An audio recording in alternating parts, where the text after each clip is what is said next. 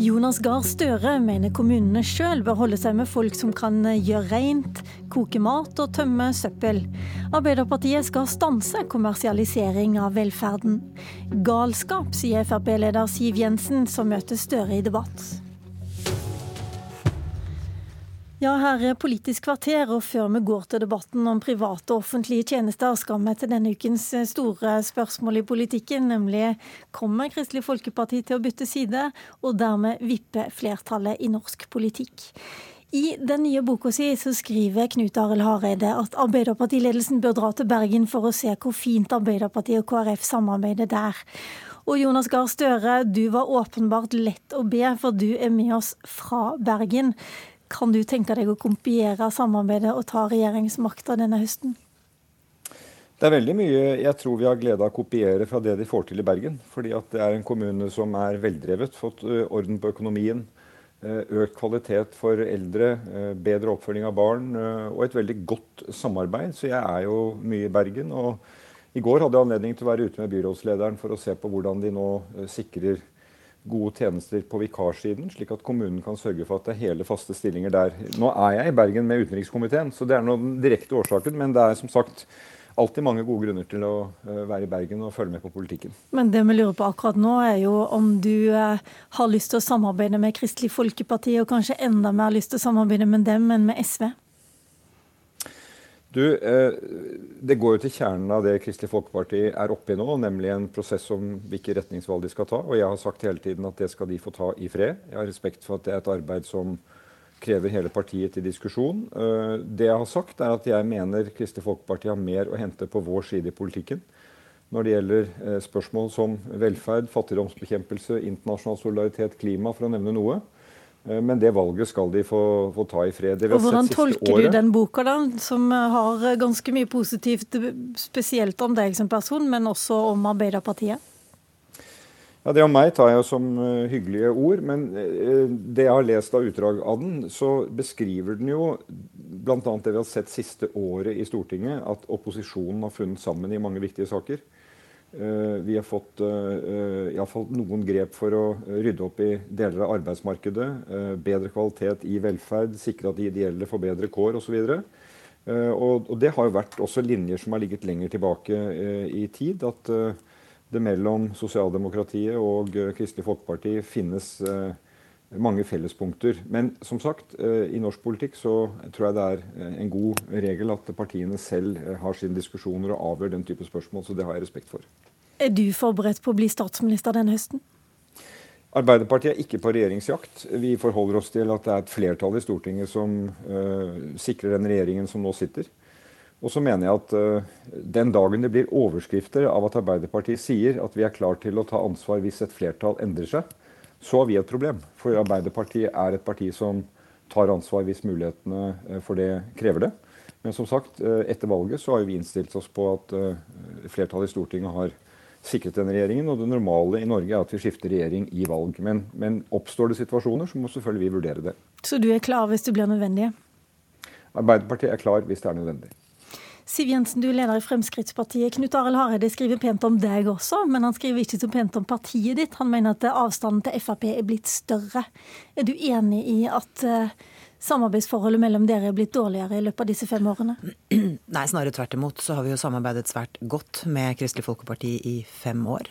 Det har jo gjort at vi har kunnet styrke frivilligheten, styrke rammene rundt enkeltmennesket. KrF bør jo også tenke over alle de gjennomslagene de har fått i det samarbeidet de har hatt mot Høyre, Fremskrittspartiet og Venstre gjennom fem år. Jeg mener det har vært et godt samarbeid som har gitt KrF betydelig gjennomslag. Etter at alle sa i går at denne boken var et frieri til venstresiden, her var en venstresving på gang, så sitter Knut Arild Hareide i Dagsrevyen og så sier han det at det er jo, han kan sitte i regjering med Frp også. Hvordan tolker du alle disse signalene?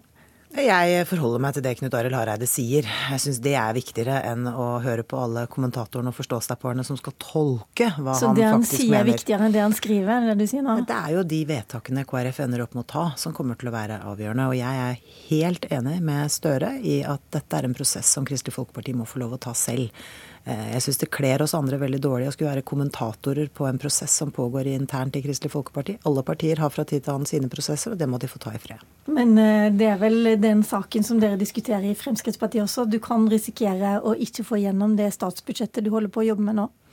En mindretallsregjering må alltid eh, samarbeide og forhandle i Stortinget. Vi har lykkes med det godt i fem år.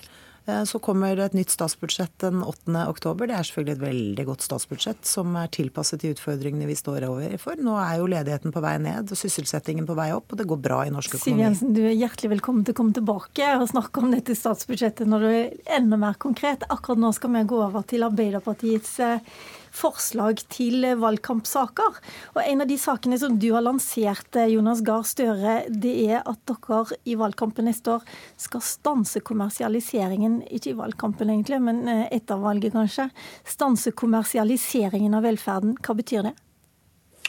Ja, det betyr at uh, det vi har sett de siste årene, hvor markedstankegangen får avgjøre hvordan velferdstjenester skal drives, det gir noen resultater som vi ikke ønsker for de som trenger tjenestene. Vi ser ansatte som utnyttes, brukere som får dårligere tilbud, og store verdier som overføres fra fellesskapet til eh, eiere som sitter ofte i utlandet. Norske velferdsstaten er en god ordning med både private ideelle og offentlige tjenester, men jeg er urolig over det jeg har sett. Eh, vi har bedt våre kommuner gå gjennom avtaler de har med eksterne aktører for å vurdere om dette er gått for langt. Og så tror jeg vi har sett eksempler på at det er slik at grunnleggende velferdstjenester, hvordan vi følger opp barna våre, hvordan vi følger opp våre eldre, hvordan vi løser de, de oppgavene som gir oss trygghet, de løser vi når fellesskapet tar ansvaret. Og Derfor så mener jeg at uh, som sagt, der hvor kommersialisering og privatisering nå nærmest blir en ideologisk metode fra regjeringspartiene, så ønsker vi å sette foten ned og si at eh, det må vi gjennomgå. Der hvor det går gale veien, så ønsker vi at eh, eh, fellesskapet tar ansvar. Men en ting er å gjennomgå der det går virkelig galt. Det du sier også er jo at rengjøring, renovasjon og kjøkkentjenester er tjenester som passer bedre å gjøre kommunalt Ja, det, i mange tilfeller så er det det. Altså, siden vi nå er i Bergen, da, så har jo de tatt over to uh, sykehjem. Eh, tilbake til kommunal tjeneste. Der er kvaliteten bedret. Jeg tror til og med det er mer økonomisk lønnsomt å gjøre det på den måten. Jeg har brukt eksempler fra en del kjøkken i eldreomsorgen hvor eh, kommunen jeg bruker ofte Nittedal som eksempel, hadde som en valgkampsak at de ville ta eh, ansvaret for kjøkkenet tilbake igjen til sykehjemmet. Okay. Det gjorde de, og det har blitt bedre mat. Det ble til og med kåret til det beste kjøkkenet av en Frp-statsråd. Og dette skjer mot et bakteppe av andre ganske lite hyggelige historier av når kjøkkentjenester settes ut og mat fraktes over fjellet og fryses ned og tines opp. Okay, det blir dårlig større. kvalitet for våre eldre. Du er med oss fra Bergen, men du kan ikke snakke hele tida for det. Eh, Siv Jensen, du har kalt dette galskap, du, men er det ikke kjente toner egentlig fra Arbeiderpartiet dette at de vil stoppe kommersialiseringen i, i velferden? Det er i hvert fall en veldig dårlig bruk av skattebetalernes penger, og det fører til eh, ensretting. Et monopol gir aldri brukerne bedre tjenester, det gir tjenester, eh, brukerne dårligere tjenester. Det at man kan velge mellom tilbydere, velge mellom kvalitet, eh, eller velge bort dårlig kvalitet, er jo et gode for innbyggerne i Norge, og det har vist seg å være vellykket. Se barnehagereformen. Halvparten av barnehagene våre er private. Og det jeg hører Støre si nå, er jo en ganske kraftig mistenkeliggjøring av private private næringsdrivende, av alle de som jobber i private selskaper, med at de nærmest kynisk driver og utnytter sine ansatte. Det er jo rett og slett galt. Og han kaller dette en ideologisk metode. Vel, jeg er enig med Støre i at det er smart av mange sykehjem å ta kjøkkenet tilbake. Derfor har regjeringen eh, i sin plattform at vi skal få på plass en tilskuddsordning som nettopp gjør det, fordi det handler om å bedre matkvaliteten for våre eldre. Men det er noe ganske annet enn at kommunene skal gå rundt og kjøpe opp velfungerende private sykehjem eller barnehager for den saks skyld, bare fordi man mener at kommunen skal eie, drive og styre alt i et monopol. Kan jeg spørre Støre, Er dette en dreining også i Arbeiderpartiets politikk? Vil dere stramme inn også i forhold til sånn som dere har gjort det før?